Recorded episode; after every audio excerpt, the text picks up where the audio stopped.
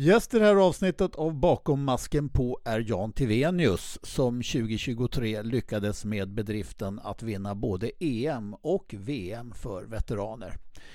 Janne har en enkel filosofi som han delger unga och gamla fäktare och det är helt enkelt att ge aldrig upp. Här kommer han. En garde. Prêt. Allez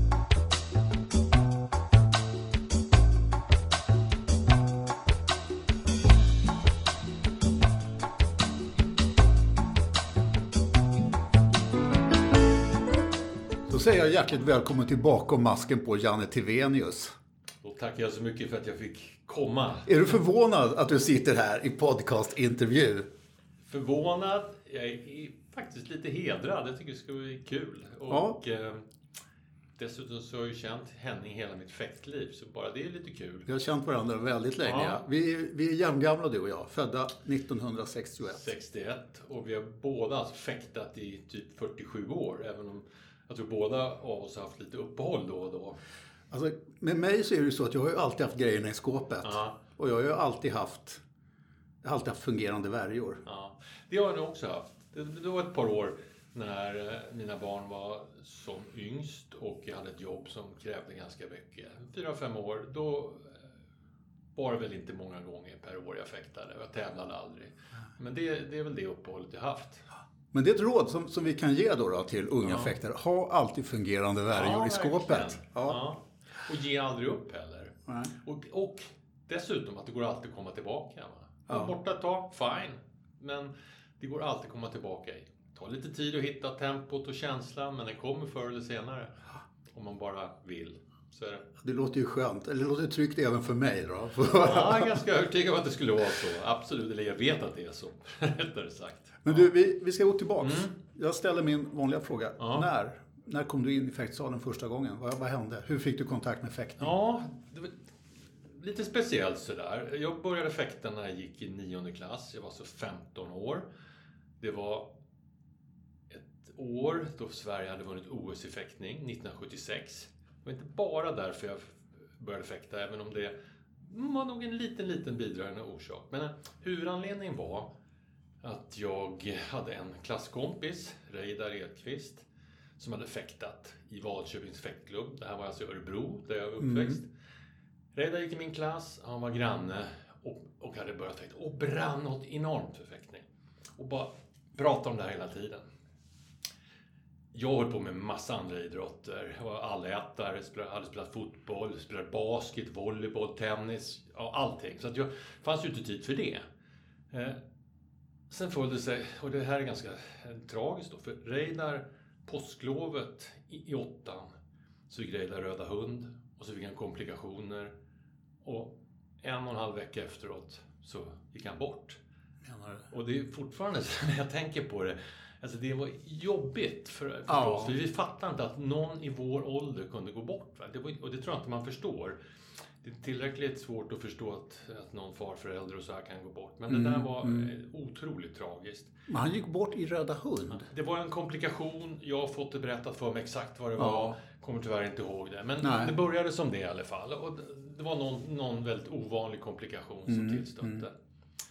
Så att... eh, Och Reidars mamma, hon satt ut i begravningsannonsen så skulle man inte ge blommor utan man skulle tänka på Vadköpings fäktförening och skicka en peng dit. Mm. Så Vadköpings fäktförening fick en, lite, en del pengar faktiskt efter det där.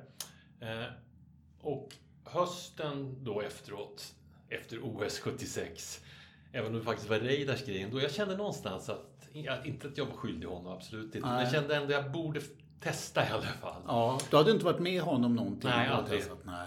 Då testade vi. Eller jag. Eh, Det var faktiskt några andra klasskompisar eh, som också testade. Bland annat Mats Ekström som sen blev pappa till ett par bra fäktare. Men han försvann efter ett par veckor. Mats gick också i min klass. Men jag föll direkt. Bang Ja, sa ja. det. Det bara kändes wow. Även om jag tyckte det var otroligt svårt att hålla kvarten och så här. Men det, det, var, alltså, det kändes som att den här fighten, Ja. den, den föll jag för. Och sen då, en och en halv månad efter jag hade börjat, så höll Vadköpings fäktförening en tävling till Reidars minne. Mm. Reidars-pokalen i Idrottshuset Örebro. Och eh, ja, även om man fäktat i sex veckor så fick man vara med. Och det gick ju bra i den där tävlingen dessutom. Ja, ja, ja. Jag, jag tror att jag, om jag vann B-finalen eller kom tvåa eller något sånt. Men jag slog i alla fall en av instruktörerna som i klubben. Då. ja. Så jag kände, wow, jag liksom förstod att det här det var rätt för mig. Va? Och sen så på den vägen var det. Va? Ja. Vadköping var ju var en jätteliten klubb. Eh, Den utvecklades till en jättefin klubb idag. Men då var vi ett gäng ungdomar. Eh, Tränarna var i princip gymnasister, det vill säga Ja. ett par, tre år äldre som hade gått instruktörskurs 1. Ja. Och de försvann ju sen när de gick ut gymnasiet. Och då var det vi som, som, eh, som var lite yngre som fick gå gymnasie, eller instruktörskurs och, och bli instruktör. Så det blev aldrig någon... Och hade ni någon fäktsal? Nej. Vi hade en gympasal, Ja. Holmens skola i Örebro. Och hade ett litet materialrum. Och där hade vi apparater som vi kopplade in. Vi kopplade in två pister varje gång. Och sen tränade vi lite benarbete och sådär. Mm. Och eh, det var väldigt mycket, alltså, min vapendragare får jag väl kalla honom då, Erik Frankendahl som du också känner. Ja. Erik hade kommit från Umeå fäktklubb som 13 kanske åring någonting. Och eh, han var ju lite ledande stjärna där bland, Ja. i, den åldern. Han hade vunnit skol-SM Ja, det kommer jag ihåg. Ja. i, för sin ålder då när han fäktade i Umeå. Så att Erik var ju en förebild som han skulle vilja bli lika bra som Mm. och slå häst sådär. Och, och det tog ett tag, men, men till slut så gjorde jag ju det. Men det viktiga för mig var att Erik, vi var vapendragare. Ja. Och det var också Erik som gjorde att, att jag fick möjligheten att åka på jul och nyårsläger med Djurgården. Okej. För Djurgården hade varje år ett eh, nyårs och julläger. Från Ja, den, ja. om jag kommer ihåg rätt, annan dagen till tretton dagen. Så det var tio dagar med någon halvdags uppehåll över nyår. Och, där träffade jag dig Henning, Mm. Ja, och. Hagberg och alla de här. Men dessutom så var det ju de bästa Djurgårdarna med. Ja. Och, och, och Umeå var ju en stark fäktklubb på den tiden. Hade ju fostrat Och du var med redan i Umeå på de lägren? Ja. Göran Flodström, eh, Renman, Bröderna Lamfors. Så Ja. att det var ju en bra klubb. Och sen dessutom hade ju ni hela ert garde då. Ja, och så femkamparna och så var det. Mm. femkamparna. Så, så, så, var ju, så att då fick jag ju mina första lektioner, egentliga lektioner, fick Mm. av Bela. Och Bela med sin karismatiska stil, han, han, han sa ju det, ja men Tivenius, jag ska göra dig till världsmästare. ja, det gjorde han ju då 45 år senare. Det var inte, fast det var inte så jag hade tänkt Han det då. visste vad han pratade om, Ja, om. Jävlar. Men, men ja. i alla fall, Roligt. Oavsett om man tog det med en nypa salt kanske. Ja. Men det var ändå liksom... Mm, man kände sig ändå peppad. Va? Ja, det jo, men det, han, har ju satt, eh, han har ju satt sina spår. Han har Ja. peppat många. Men du, det här, du sa, det här var alltså efter ändå, efter OS 76 Ja, va? så att, jag, så att det var ju inte den första vintern. Då Nej. hade jag ju fäktat ett halvår, så det kan jag inte tänka mig. Så, men jag var ju där två eller tre gånger kanske på de där lägren. Så det var ju... Jag kommer ihåg, vi låg, ju- vi, det här var när eh, A4 låg i Umeå. De flyttade till Arvidsjaur. Nej, förlåt, K4. Ja, det kanske det var. Eh, sen flyttade de, så här, Norrlandsjägarna, Ja, till ja, Arvidsjaur senare. Och då fick vi, blev vi inhysta på det stora infanteriregementet där. Ja. Men, men de första åren så hade vi baracker som tillhörde då de här eh, Norrlands dragoner. Ah. Och, och sen så, eh, då kommer jag ihåg också, för då ett av de första åren jag var med så kom Svante med för första Ja, Svante gången. var med, det kommer jag ihåg. Och det Ja. var därför att han hade, han var ju lagkappsimmare. Han var från Ja, Umeå precis och han, han var lagkappsimmare på OS i, i, i Montreal 76. Ja, ja, och sen så sadlade han om då Ja, precis. någon gång vintern 76, 77 och så, så var han med på träningsläger i fäktning där. Nej, men hela femkampslandslaget var väl med, vad jag kommer ihåg. Eh, Horvath Ja, Och, och alla de här. Va? Så det var ju stark fäktning. Ja. Enormt bra så och bra alltså benarbeten när vi körde på den tiden. Körde, om jag kommer ihåg rätt så körde vi, vi körde ju alltid benarbete efter träningen. Så man Ja. det sista. Det var tre gånger tio, så här, tre gånger tio minuter. Så det var långa benarbeten. Eh, och ja, det var en superbra träning. Och det, så det var ju min, liksom, där fick jag, jag hade ju ingen annan träning. Det där Nej. fick man igång det. Och det var ju då man bör, jag började ändå göra res, lite resultat som junior. Sådär. Ja. Men du var ändå aldrig så, så att du riktigt eh, bl- blommade ut som junior och var med på junior-VM och sådana tävlingar. Alltså några kadett-tävlingar fanns ju inte på den här tiden. fanns inte och juniorvärldscup hade jag aldrig hört talas om. Nej, det fanns en som vi pratade om och det var den här som hette Challenge Ja. Schmetz. Och den var kom- egentligen...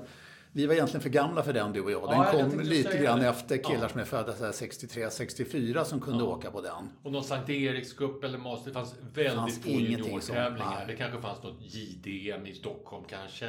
Och sen var det ju skol-SM då. Och Ja. junior-SM. Ja, den var stor ju. Så att de tävlingarna, jag, jag menar, jag vann skol-SM ett år. Sen, sen var jag i finalerna på JSM, så jag kom femma och sexa. Mm. Sådär. Men jag var ju inte... Så att jag... I de här JDM-uttagningarna så kom jag inte tillräckligt högt upp. Och jag Nej. hade ju fäktat en relativt kort tid ändå, i och med att jag började som 15-åring. Ja, ja. Eh, Men det var, det var ett starkt juniorfält också. Greger Forslöv, fantastiskt duktig junior. Vi hade göteborgarna, Magnus Bonander. Eh, Ola Peter Ars- Selly hade du också som var med Ola på junior-VM. Ja, vi hade Ja. Mm, Peter Selly. Ja, Djurgårdarna, visst, absolut. Eh, och sen så, men det fanns ju den här Ljungberg-killen från Aramis. Så, Ja. så det var ju många bra juniorer. Ja, det var, det var mycket, det var ju brett och det var ju alltid kamp. Ja. Det var alltid kamp om platser till junior-NM. Var du med på något junior-NM? Ja, junioren var jag med på Ja. och vann något guld i lag, men det var väl, du vet, det var ju fyra lag med. Så Ja. det var lite, och så tror jag att jag fick någon, kanske någon bronsplats någon, någon gång i något JM. Ja. Så kan det ha varit. Jag har inte riktigt lagt det där på mina. För var- de var ganska smala de tävlingarna. Precis, det var ju då, det var ju fyra man Ja, från fyra nationer Ja. och alla mötte alla. Ja, lite så va. Men du var aldrig liksom ändå uppe där och, och hade ambitionen att ta dig med på junior-NM, eller förlåt, junior-VM ska jag säga. Det var ju det alla siktade på. Eller. Det hade- kände du själv att du var för långt bort så att det liksom inte Nej, var... jag, åkte ju på de tävlingarna. Jag kommer inte riktigt ihåg de där åren sådär supertydligt hur, hur tabellerna såg ut eller uttagningen. Men, men eh, absolut att, man, eh, att jag hade ambitionen. Ja, men det hade jag. Eh, jag Mm, Och så på- försvann Erik Frankendal Ja. efter några år. Ja, men det var ju så här att vi sökte ju, han och jag, både han och jag sökte ju till militär... Nej, förlåt, nu säger jag fel. Vi sökte ju till idrottsplutonen. Ja, Eh, och kom inte in. Och, det var ett år också så det var ganska mycket konkurrens. Då. Det var Kenneth Teckenström, florettist, ja. som, fick, som var ju bästa florettisten, så han fick en plats. Och så var det Åke Landfors som hade väntat i två år för att komma med, som var, var liksom gränsen till B-landslag i varje Ja, fall, eller landslag. Och så var det Greger som var given. Mm. Alltså det var ganska, det var tufft. Så vi fick inte plats helt enkelt. Men jag eh, hade ju snack med Bela och så där, och Bela jag lovade inget, men han sa att han skulle göra allt för att få... Sök till militärpolisen så ska jag få Ja. in dig, eller så ska jag få över dig. och Så, här, så det gjorde jag då. Eh, och, och det gjorde Frankendahl också. Så vi började militärpolisen och, och fäktade på Djurgården. Mm. Och, ja, och det kommer jag väl ihåg Ja. faktiskt. det här var ju 80-81. Och... ehm, Jag tror du tränade mer än Erik. Alltså så här var det faktiskt. Jag tränade nog mer än alla, i alla fall djurgårdarna som var på... för jag tränar varje dag. Ja. Och, så här, så att, men, och jag, jag tror nog några av de där som var med, jag ska inte, kände, kändes det som att de fasade ut sig själva lite grann. Erik la av under, under det året. Eh, gjorde han tyvärr. Och vi kom aldrig över till någon militär poli, eller förlåt, Nej. Dels för att det var faktiskt en två, liksom det blev att två brottare från Borlänge ville göra samma grej. Så var det en kille eh, som numera är högt att- uppsatt i internationella idrottsorganisationen som var curlare. Han ville också komma över sådär, så att det fanns liksom, det blev lite sådär för mycket och Bela kunde inte Nej. trolla riktigt. Nej, men han var nog glad att få er till Stockholm bara. Han var nog ganska nöjd så ändå. Ja, men det tror jag. Det tror jag. Men i alla fall, jag hade ett bra träningsår ändå. Så Och fick göra beridna högvakten. Precis, fick göra det. Va? Så att, och som sagt, jag tränar ju säkert mer än de andra. Inte, kanske inte mer än, än, än alla, men... men eh, Men då flyttade du upp till Stockholm också. Bodde i Stockholm. Bodde på kasernen eller jag hittade en annan på luckan. Som man Du bodde på, ja. Så, att, så åkte man ju hem på helgen oftast. Ja. Så var det ju. Fanns inte så mycket annat att göra kanske än att träna. Alltså man, ja, det kanske det hade funnits, vad vet jag. Men, du vet, så, så här, man, är, ligger, man bor på, på militär så blir det ju så att men det är inte så kul att vara på luckan. Det är man ju Nej, inte. nej. Så, och hänga där, det blir ju... Ja, Nej, precis. Markan och titta på TV och köpa godis ungefär. Va? Så det var ju så... Mm. Så var, det, så var det på den tiden. Ja. Ja, Men du, du blev kvar i Stockholm i alla fall Nej, sen inte efter. Du Nej, blev inte nej, det? nej, Nej. Då var det studier och då var det Nej, året efter där så ha- hade jag ett, ett mellanår kan man väl säga. Så att jag, jag flyttade tillbaka till Örebro, jag hade flickvän där och kände liksom, jag var inte riktigt säker på vad jag ville göra. Tränade, fortsatte träna, men det året var ju Vadköpings fäktklubb ganska smalt. Det var Ja. inte så många där, så det var ju inte så jättebra så. Men jag åkte ju på alla läger man, jag kunde. Så det var kanske, säg att det var, vad var det på den tiden, fem, sex läger om året. Så, så att det gav ju bra träning ändå. Så fick Mm. Ja. man hålla igång med annat. Och så tävlade man eller tävlade så mycket som jag kunde. Så att jag, jag pluggade matte på högskolan, jobbade som lärarvikarie under Mm. ett år. Och så kom du underfund med vad du skulle göra och då blev Nej, det det... vet jag inte om jag gjorde. Då blev tror jag det- inte jag gjort det än. Men... Gjorde du inte det? För att sen flyttade du till Göteborg? Nej, nej. Inte? Utan sen eh, hade jag ett år i USA. Okej. Så jag, jag, jag fick ett eh, stipendium på University of Notre Dame som var är en, en skola som har bra fäktning. Mm. Eh, idag är det fler skolor som har bra fäktning i USA. Det, hände ju någonting när muren föll Mm. 89-90. Då kom ju massa ryska öststatstränare till USA-skolorna Mm. och, och, byggde upp standarden där. Men, men, men även då så fanns det ju, det var en bra fäktning. Vi hade bra fäktning, bra så, bra värjfäktare. Ja. Hade du några andra svenskar där då? Några svenskar som hade varit före? Ja, Björn och Wegge hade ju varit på den här skolan. Ja. Så det var Björne lite som hjälpte mig och la ett gott ord hos coach, coach Di Chico.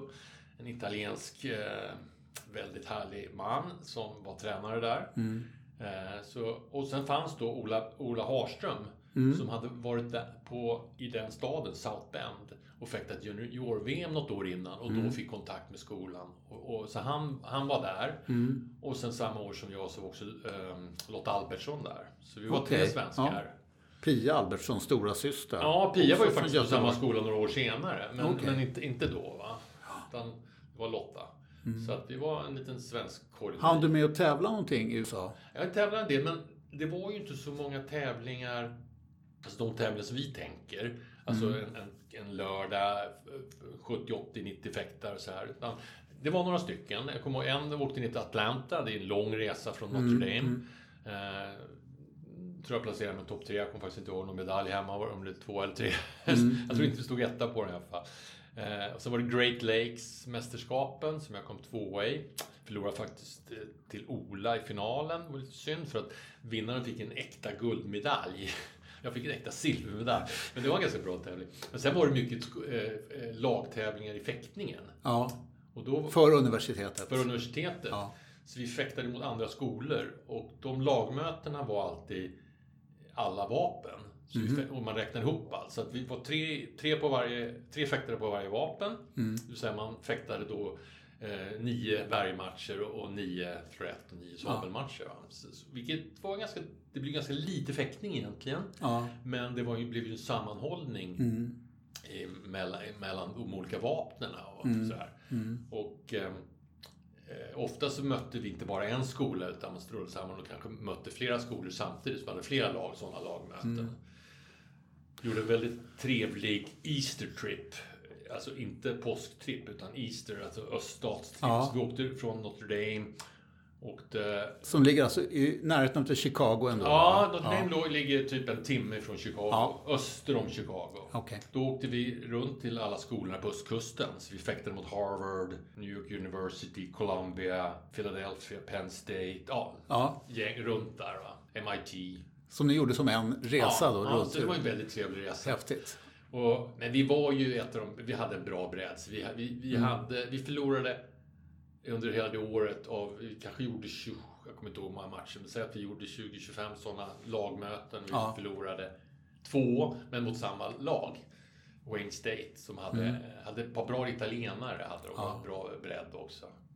Alltså det, eh, det här var ju, USA var ju betydligt mindre som fäktnation Ja, på den här tiden. Det var som du säger, efter murens Ja. Mm. fall så blev det ju en enorm boost med tränare dit. Men, men det är ändå många som har gjort den där i USA åren och som har väldigt positiva. Jag har talat med flera som, som har, har fått Mm. Ja, men det var ju kul. Va? Det, var, det var ändå så att även de här lagmötena så var det ju så. Sen är de ju så, så, så, så fokuserade på statistik i USA. Så du vet basket och det är Mm, ju mycket som helst. Och det där är ju fäktning också. Så det var ju väldigt så här. eh, Efter alla år så var det olika statistik och just det här med hur många vinster och förluster man hade. Mm. jag gick 48, ska se hur det var förresten. 48 matcher gick jag de här lagmötena Ja. och förlorade tre tror jag. Så hade 40, jag hade 90, över 90 procent i statistik. Och det där statistiken levde ju kvar hur länge som helst, alltså den bästa statistiken. Så det var ju lite sådär, det fick man höra jättelänge.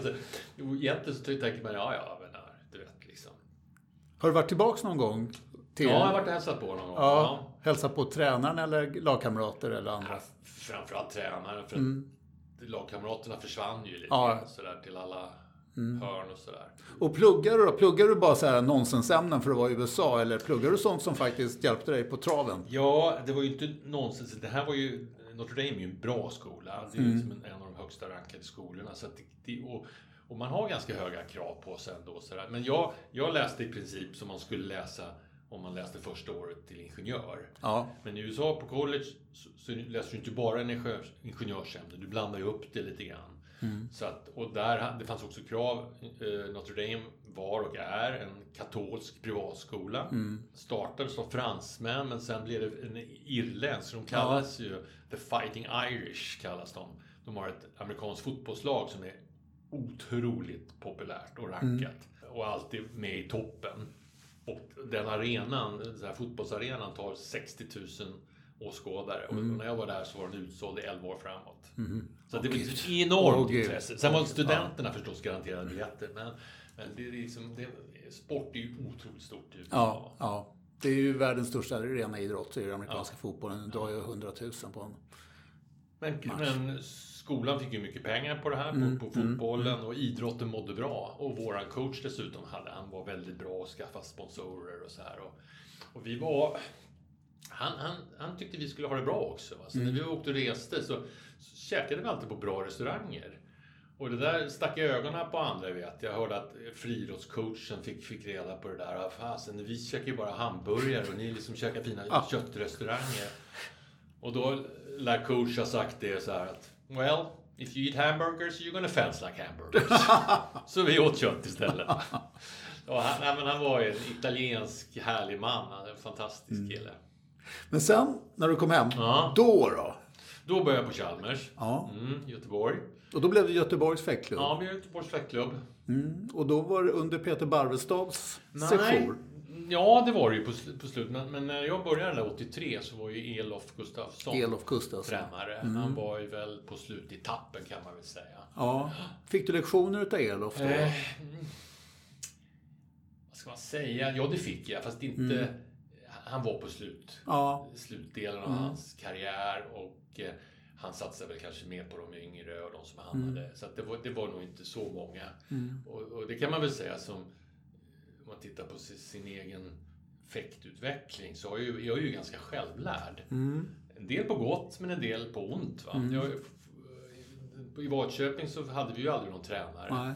Vi hade en, eh, en eh, fäktkonsulent som förbundet hade som skulle åka ut till oss Mm. eh, och, och ge lite lektioner och sådär. Men, men det blev aldrig någonting av det. Kursen okej. kom en gång i halvåret och då var knappt det ens en gång. Så att, och sen, eh, ja, så att jag fick ta lite lektioner här och där och sådär. Men Nasson fick du i alla fall då på Göteborg. Ja, son var fantastiskt bra. Mm. Vi hade ju eh, Björne som satsade inför OS. Eller Ja. Alla satsade i princip in- inför OS 83. Va? Mm. Det fanns ju, ingen, fanns ju inga begränsningar för någon. Då. Men vi hade ju jättebra. Det var Mats Allers, Björne, eh, Björne som jag sa, Benny Berg, Pelle Sundberg, även om han var lite... Eh, Överårig. Ja, fast överårig. Pelle var en fantastiskt han, bra han, fäktare. Han kanske inte var mer än 35-36. va? Nej. Men, eh, så att han var väl egentligen inte alls överårig. Men, men jag tror att han såg sig som lite retired. Så Mm. Ja. Jag tror det. Och sen hade vi eh, Peter Kraft och... Ja, det fanns en... Och, Jonas Väge, brorsan. Ja, men Jon, tyvärr. Jon, Jonas och eh, Bonander och de där hade väl mer eller mindre lagt De hade av. försvunnit, de la av alldeles för unga förstås. va? Ja. Eh, De var kanske ner någon gång, men de var inte med så.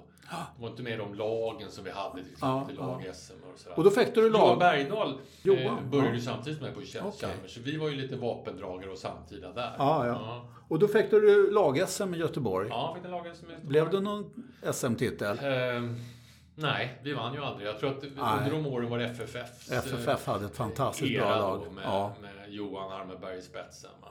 Så det blev aldrig någon...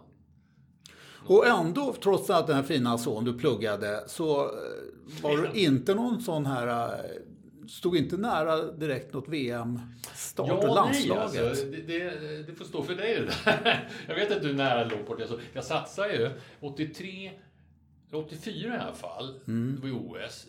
då, menar, jag kommer inte ihåg exakt, men jag var, alltså typ på uttagningslistan så kanske jag var åtta, Mm. nia. Så det var ju inte, menar, sen var det ett stort hopp till de Ja. fem, sex som åkte. Men det var ju ändå, då var det ju eh, OS-år trots allt. Mm. Så det, var, det var ju liksom, jag hade ett bra år. Men eh, det bästa året jag hade tror jag egentligen var året efteråt, 85. Okej. Då hade jag ett bra år. Mm. Eh, och det var det året du kom med första Mm, gången tror jag. I Barcelona har jag för mig Ja. Mm. Så det var, det var ett bra år. Eh, och jag låg bra i listan. Men så skadade jag mig tyvärr på, på våren. Mm. Så att jag kunde inte vara med på de sista tävlingarna. Om det nu hade hjälpt. Men Ja, det, det hade det nog. det stjälpte ju i alla fall. Det, det gjorde det nog, Ja, ja. så att jag låg hyfsat bra till. Okej. Sådär. Eh, och, sen, men, och sen, efter det, och det kan jag ju tycka nu efteråt, jag kom aldrig, aldrig liksom tillbaka till någon satsning efter det. För att Nej. 85 på hösten, så här, det, det tog ganska lång tid, det läkte, det var ett ledband som hade eh, mer eller mindre gått av.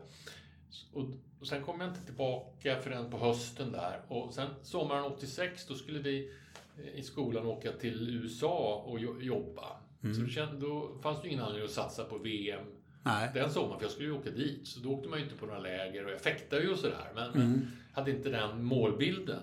Så 86 var borta och sen kom jag tillbaka. Eh, och, och någonstans där så fäktade jag, då fäktade jag i England en termin. Okej.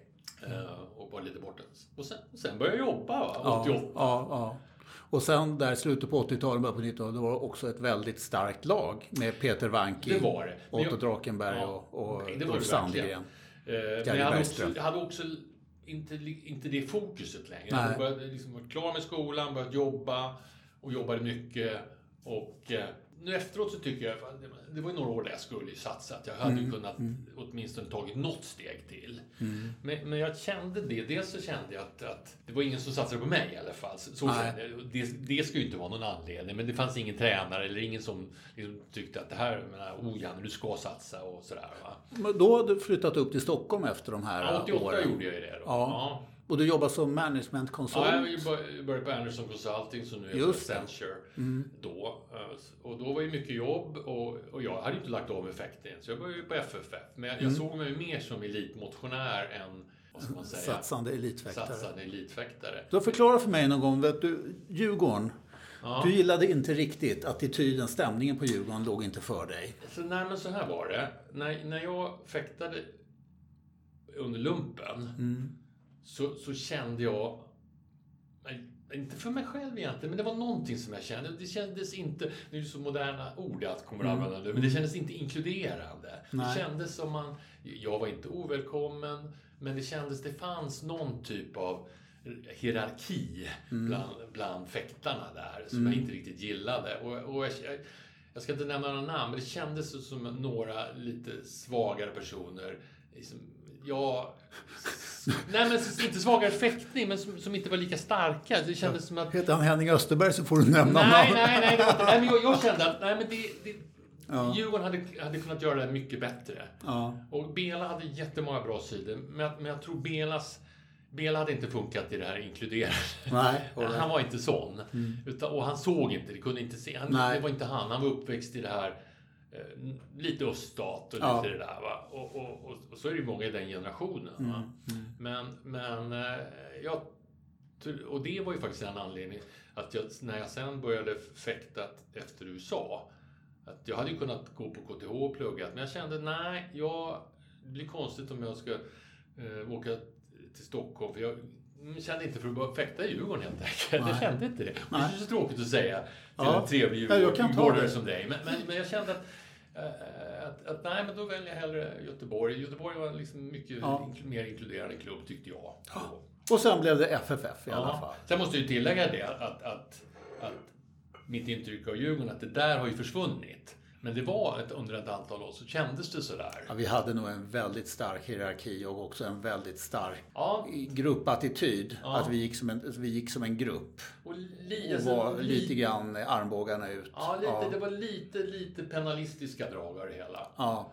Eh, och, och det, jag kände mig inte utsatt av det, men man gillar inte det man ser. Va? Mm. Och, och det, Ja, men jag, jag eh, förstår vad du menar och vi kan väl, vi kan väl säga det då, att, att idag är ju det här någonting som man uppmärksammar i, Ja, inom absolut. idrotten väldigt mycket och försöker jobba med. Ja. Och det är nog klokt att det behövs. Ja, men det tror jag. Man förlorar många talanger, man förlorar viktiga re- relationer faktiskt. Mm. Ja. Och det, är inte, det är inte så man vill uppfostra sina barn och då ska man inte uppfostra Nej. eh, klubbmedlemmar så. Va? så att, eh, ja.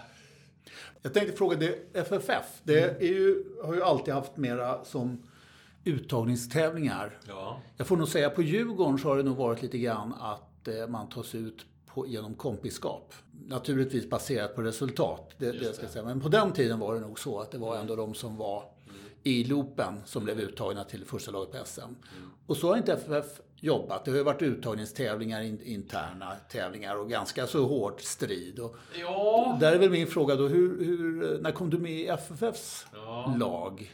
Eh, jag började ju fäkta där 88, men då jobbade jag ju ganska mycket samtidigt. Så jag fäktade så det året var jag ju inte med. Sen tror jag att jag har varit med efter det. Mm. Eh, Men det var inte uttagningstävlingar då. Nej, okej. Eh, Inte mitt, enligt mitt minne i alla fall. Det har kommit senare. Jag Mm. har absolut hållit på i säkert i 20 år, men jag, jag tror inte det var det då riktigt. För jag tror det första gångerna jag var med, Ja. eller sista gångerna jag var med, jag var ju med på lag-SM sista gången 92 va? Ja, Som vi vann. just det, mot oss. Ja, var du med då? Var det. Ja, det var du ju. Ja, det var du som slog mig. Ja, visst. Kunde- 88 vann ju. Det var ju det jag ville att du skulle säga. Ja, nu. ja, du precis. förstod det. Ja, Men hur många gånger har du varit med och vunnit lag-SM-guld med, med FFF? fem. Fem stycken. Mm. Men inget med Göteborg, men med FFF? Nej, men eh, Göteborg blir en del eh, finaler, men ing- inget guld. Mm. Eh, det har blivit några finaler med FFF också, förutöver guldmedaljerna. Men 96 vann vi första gången. Mm. Och sen, sen har du, jag vet inte, vad är det de kallar honom? Eh, Gio Waldner? Är det liksom det e- evigt vajande trädet eller den Ja. som stä- ständigt... Grönskande tror jag. Det evigt grönskande trädet. Är det- Vajande är ju inte lika. Nej, det ja. kanske inte lika bra. Men eh, där har du ändå befunnit dig. Du har alltid varit vältränad, hållit kroppen i trim och haft eh, värjor i skåpet. Ja, det har jag. Jag har alltid tränat och, och då på 90-talet, då när jag kom till Stockholm så fortsatte jag. Då tränade jag i alla fall en till två gånger, eh, säkert två gånger fäktning. var- Vi har alltid haft på FFF tisdag och torsdagar. Så det har liksom varit två gånger. Men sen har jag ju alltid sprungit och, och jag är ju hängiven längdåkare. Va? Så jag åker Ja. mycket längd. Jag menar, om det finns snö. I år har jag åkt nästan varje dag, så sen nyår i alla fall, sen det har funnits snö. Så att, Blir det Vasalopp och svenska klassiker och såna här grejer Nej, också? eh, det är passé tycker jag. Jag åkte ju Vasaloppet eh, förr i tiden, om jag säger, för, för tio år sedan. Ja. Då åkte jag väl eh, åtta Vasalopp, men, men nu känns det som att det är relativt mycket träning som ska till. Och, eh, så att, nej. Och så, Nej. och så sprang jag alltid Lidingöloppet i princip varje år under en enorm period. Då. Så, och det var ju bra löpträning, för då började man löpa på sommaren och försökte växla med långa med korta distanser. Så hade man den målbilden. Och så var det i början av, av fäktsäsongen, så då fick man en bra... Och springer du fortfarande också? Dålig med det. Jag har faktiskt, alltså de sista tio åren har jag haft så mycket skador. Ja. Så att jag har liksom fått kämpa med det. Och löpning är lite slit, Det sliter slitigt. hårt ja. Och det finns många andra bra sätt ju faktiskt. Så. det gör det. Det är, bättre, det är spinning och, och fäktning kanske också är bättre egentligen. Men jag skulle vilja springa mer. Men eh, det har varit olika. Men då, då kommer vi in på den här veterankarriären. Mm. Det är ju fantastiskt. Låt mig än, än en gång då få, få, få säga grattis och vad, vad fan vad duktig du har varit. Ja, jag hade vad lite bra, flyt. vad, ja, lite flyt. Men Ja. det, det ska man ha när man är bra. Både kamma hem EM och VM i seniorklassen, eller veteranklassen, förlåt. 60 till 70 år. Och det är inga dåliga fäktare där. Nej, det är alltid en blandning Det, förstås. det är en blandning i första omgången, men gubbarna som är kvar på slutet, de kan faktiskt Ja, men så fäkta. är det ju. Så är det ju. Det är alltid som på, på, på ett EM då, då är det 160 pers. Så det är klart att en, en fjärdedel har väl inte Nej. liksom, har börjat kanske i senare tid och ytterligare en fjärdedel har kanske inte kommit så långt. Och en fjärdedel är ganska bra. Men den sista fjärdedelen där, och det är de som du får ifrån 32an, de är ganska bra. Liksom. All, De flesta, alla har hållit på ungefär som jag, alltså, det vill säga när de var unga. Va? Ja. Och det är lite roligt. Ibland så tittar man ju på, via Oppart kan man ju se vad, vad, hur de har gjort. Och många av de där har ju varit, kanske inte med i landslaget, men de har varit sådär kanske kanske topp 10, ungefär lite som jag själv var Mm, eh, mm. på, på 80-talet. Va? Mm. Sen har de, det är kanske vi som inte ger upp. Mm. Ja, ja, men någonting ska man ha för det också faktiskt. Och du det var ju en, ett, om man säger, ett titelförsvar för den, den vars titel du på EM försvarade. Det var ju Peter Barvestad Ja, som vann den. Sen var det uppehåll på fyra år. Just det, precis. Då du hade varit äldst i klassen, Ja. liksom jag. Om det Ja. hade varit ett, ett EM det året då det var pandemi och sen så kom det nu istället. Men, men det var Peter som hade titeln. Så att Sverige har, vi får säga om vi tittar internationellt så har vi starkt manskap Ja, på, det på, På Värja har vi ju det. Ja. Och även på både herr och dam. Ja. Eh, och florett har vi också, även lite smalare. Men Ja, det är framför vi- egentligen Thomas som har har Thomas, varit med. Thomas Åkerberg och... Ja. Berätta lite grann om, om VM-titeln i Mm. Daytona. Hur, hur det var och eh, hur det kändes att vinna en sån tävling. Ja, det kändes... För det första så var jag ju supernära att åka ut i, eh, vad blir det, 16-delsfinalen Mm. mot en kille, en fransman. Nu kommer jag inte exakt ihåg, han hette Babillon eller liknande. Jag hade haft honom i poolen, vänsterhänt, ganska liten kille. Jag kände att, ja men en tuff kille, men jag slog honom hyfsat kontrollerat i poolen, 5-2 eller där. Och så fäktade jag mot honom i 16-delen, kände att jag hade kontroll. Men som en av mina fäktsvagheter, ibland kan jag luta mig tillbaka då och få, Mm. bli lite ofokuserad. Så helt plötsligt så missar jag och så står det 6-9. Och jag känner, ja, det var den dagen. Mm. Men då gör han likadant lite grann. Ja. Och så vänder jag det. Va? Så det var ju nyckeln, Mm. den matchen förstås. Så. Sen, hade, sen kändes det ändå som jag hade kontroll på de andra matcherna faktiskt. Även om finalen blev 10-9 så hade jag ändå lätt och det blev en Ja. dubbel på slutet. Sådär. Ja. Och min känsla var ju, det, det, det, det, jag kan ju ha sådana här riktiga så här adrenalinglädjekickar när man har satt en sista stöt. Men där var det som att det gick att göra. Ja. Det är som mer en sån här uppenbarelse att jaha, det gick faktiskt bra det här. och, och, att då man tände, ja, visst jag hade vunnit EM och, och, och okej. Vilken tävling var svårast att vinna då? Vilken var Ja, tuffast? men det är lika. Alltså, egentligen så är Ja. EM en match till kan man säga. Mm. I och med att det är fler fäktare där. Mm. Och sen krasst så är väl Borman som jag slog på EM. Bellman. Egentligen en... Bellman, förlåt mig. Ja. Borman hade varit kul också. Ja. men, men Bellman. Ja. Eh, han, är, han är väl en, eh, egentligen en Tuffare. mer meriterad fäktare än Mm. Bir- Birkenmeister som jag slog Okej. i på, i på VM. Du sa själv förut att du är lite okonventionell, lite oskolad som Ja. fäktare. Du har ett sätt, du bryter tempot, du ger liksom aldrig liksom motståndaren möjlighet riktigt att veta om vilket avstånd du tänker vara på. Utan du kommer fram, du bryter tempot och du går tillbaka, sen kommer du fram igen och så kommer du lite mera fram. Ja, lite så. Jag, har inte, jag är ju inte så, så skolad. Nej. Och, och jag har ju fått utveckla min egen att Det är ju det jag försöker göra, bryta tempo. Mm. Gå in på tempot, förutse tempo, bryta, bryta klinga och gå in. Eh, och det, det funkar ju bra man är alert. Ja. Man måste ju vara på hela tiden Mm, då. mm. Så det, det är lite, alltid varit så här, om du är för laid back eller står tillbaka eller är ofokuserad så funkar ju inte det alls.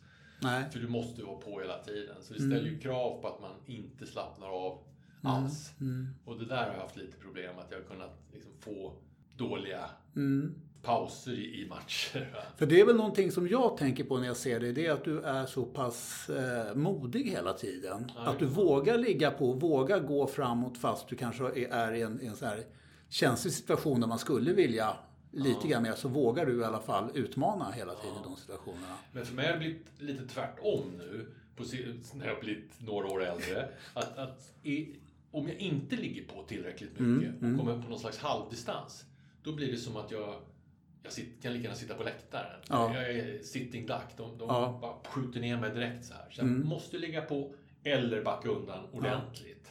Har du några fäktare som du har tittat på som du har eh, tagit, inte råd utav, men kanske tittat, eh, som har studerat? Här borde jag väl säga ja då. Men, det är det faktiskt inte. Nej. Det är inte så. Utan jag har ju utvecklat min egen stil. Mm. Kört. Och, och jag har ju säkert många svagheter fäktning. Och, och den bygger för mycket på intuition, Mm. kanske. Mm. Eh, så att, men nej, jag har inte riktigt lyckats kopiera något på det Nej, sättet. nej. Det har jag inte gjort.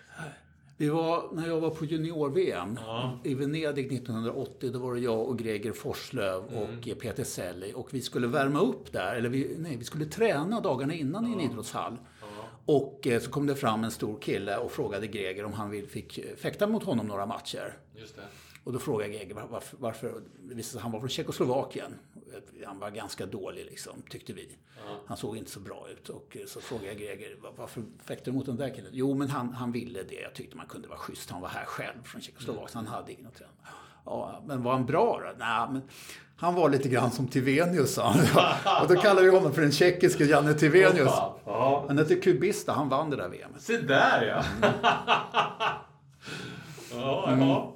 Bra då. Mm. Ja, du precis. eh, blev lite förnärmad först, men, men sen så fick ni en bra slut det där historien. Ja, precis. Eh, Men om du skulle, om du skulle ge något råd till en ung fäktare som kanske både är i sin, på sin insatsande höjdpunkt och, men också kanske känner att lite grann man känner själv att ja, nu, Nu kommer jag inte längre. nu kommer jag inte längre. Nej. Nej, men alltså, det finns ju många, många sätt. Men, men framförallt, eh, det finns ju tävlingsgrejer som, som man ser många juniorer skulle kunna göra lite annorlunda. Många juniorer ser är så otroligt på hela tiden, alltså aggressiva. Man, man har för lite tålamod. Och det är ju, tycker jag, ett generellt råd. Ta det lugnt. Du behöver inte göra någonting på en gång. Och många skulle egentligen må bra av, istället för att få gå på direkt, bara ta ett steg tillbaka. Titta vad den andra killen gör, eller tjejen gör, innan du gör- någonting. Det tror jag är ett generellt råd som inte kostar någonting, som är, och är så enkelt. Ja. Ehm, sen, så, sen, sen den andra grejen är ju att jag tror att man ska inse att fäktning, det går inte spikrakt uppåt. Du kommer komma i en plat, platå. Alla gör kanske inte det, men de flesta gör ändå. Man kommer i en platå, står stilla, det händer ingenting. Du kanske går tillbaka till det, du börjar få stryk. Du börjar tänka på saker. Men det går över. Det kommer vidare om du bara jobbar vidare. Och, och, och det kan ju vara lite tråkigt. För du måste jobba vidare. Ja. Men, men det, om du bara hänger i så kommer det, kommer det gå över. Du kommer ta nästa steg. Det tror jag att är den stora lärdomen. Att om du bara hänger i så tar du nästa steg. Och, och det kan jag ju se på mig själv. Det hade jag säkert också gjort om jag hade hängt i när jag var 24, 25, 85, 86 där. Och, och då, hur långt hade det tagit? Ja, det vet man inte. Något steg till För hade det tagit i alla Det måste faktiskt nämnas också innan vi slutar här. Det är att du har ju fäktat i landslaget, i seniorlandslaget. Ja, precis så. Ja, på VM. Ja. Ja. Det är lite speciellt också Ja. faktiskt. Som 48-åring Ja. gjorde jag, kom, eh, inte comeback, utan debut i ja. landslaget. Och då var du med på VM i... Eh, I Turkiet, Antalya. Ja. Och sen, vänta nu, EM först i Plovdiv. Ja. Och sen i, på VM i Antalya. Som 48-åring. Ja. Och det är en lite rolig historia ändå, eller i alla fall tycker jag själv det är lite roligt. För att det här var ju 2009. 2008 hade... Och då ska man komma ihåg att jag hade hållit upp med fäktning så här, från 98 till 2002. Och sen så jag börjat komma igång igen och börjat fäkta. Så här, ja, men jag tyckte på väg. 2008 gjorde jag en bra säsong. Kommer inte ihåg. Det, det fanns ju ett uttagningssystem. Jag kom tvåa, tre. Jag kom bra. Ja.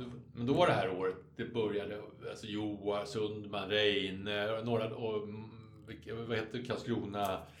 Magnus Malmgren. Magnus, de hade ju lagt av lite grann. Ja. Så det fanns ett glapp i, så, som det har funnits ett antal gånger Ja, de ja. sista åren i fäktning. I alla fall så kom jag två, tre och då, då frågade jag Igor, så ja men du Igor, nu har jag kommit två, tre, får jag åka med till VM nu då? Han skrattade lite åt mig, du är för gammal sa han. Ja. Och sen så sa vi inget mer. Då, då sa jag på skoj så här till honom, och det var faktiskt på halv, halvskoj. Så ja, okej, men om jag vinner nästa år, då, då får jag väl åka med.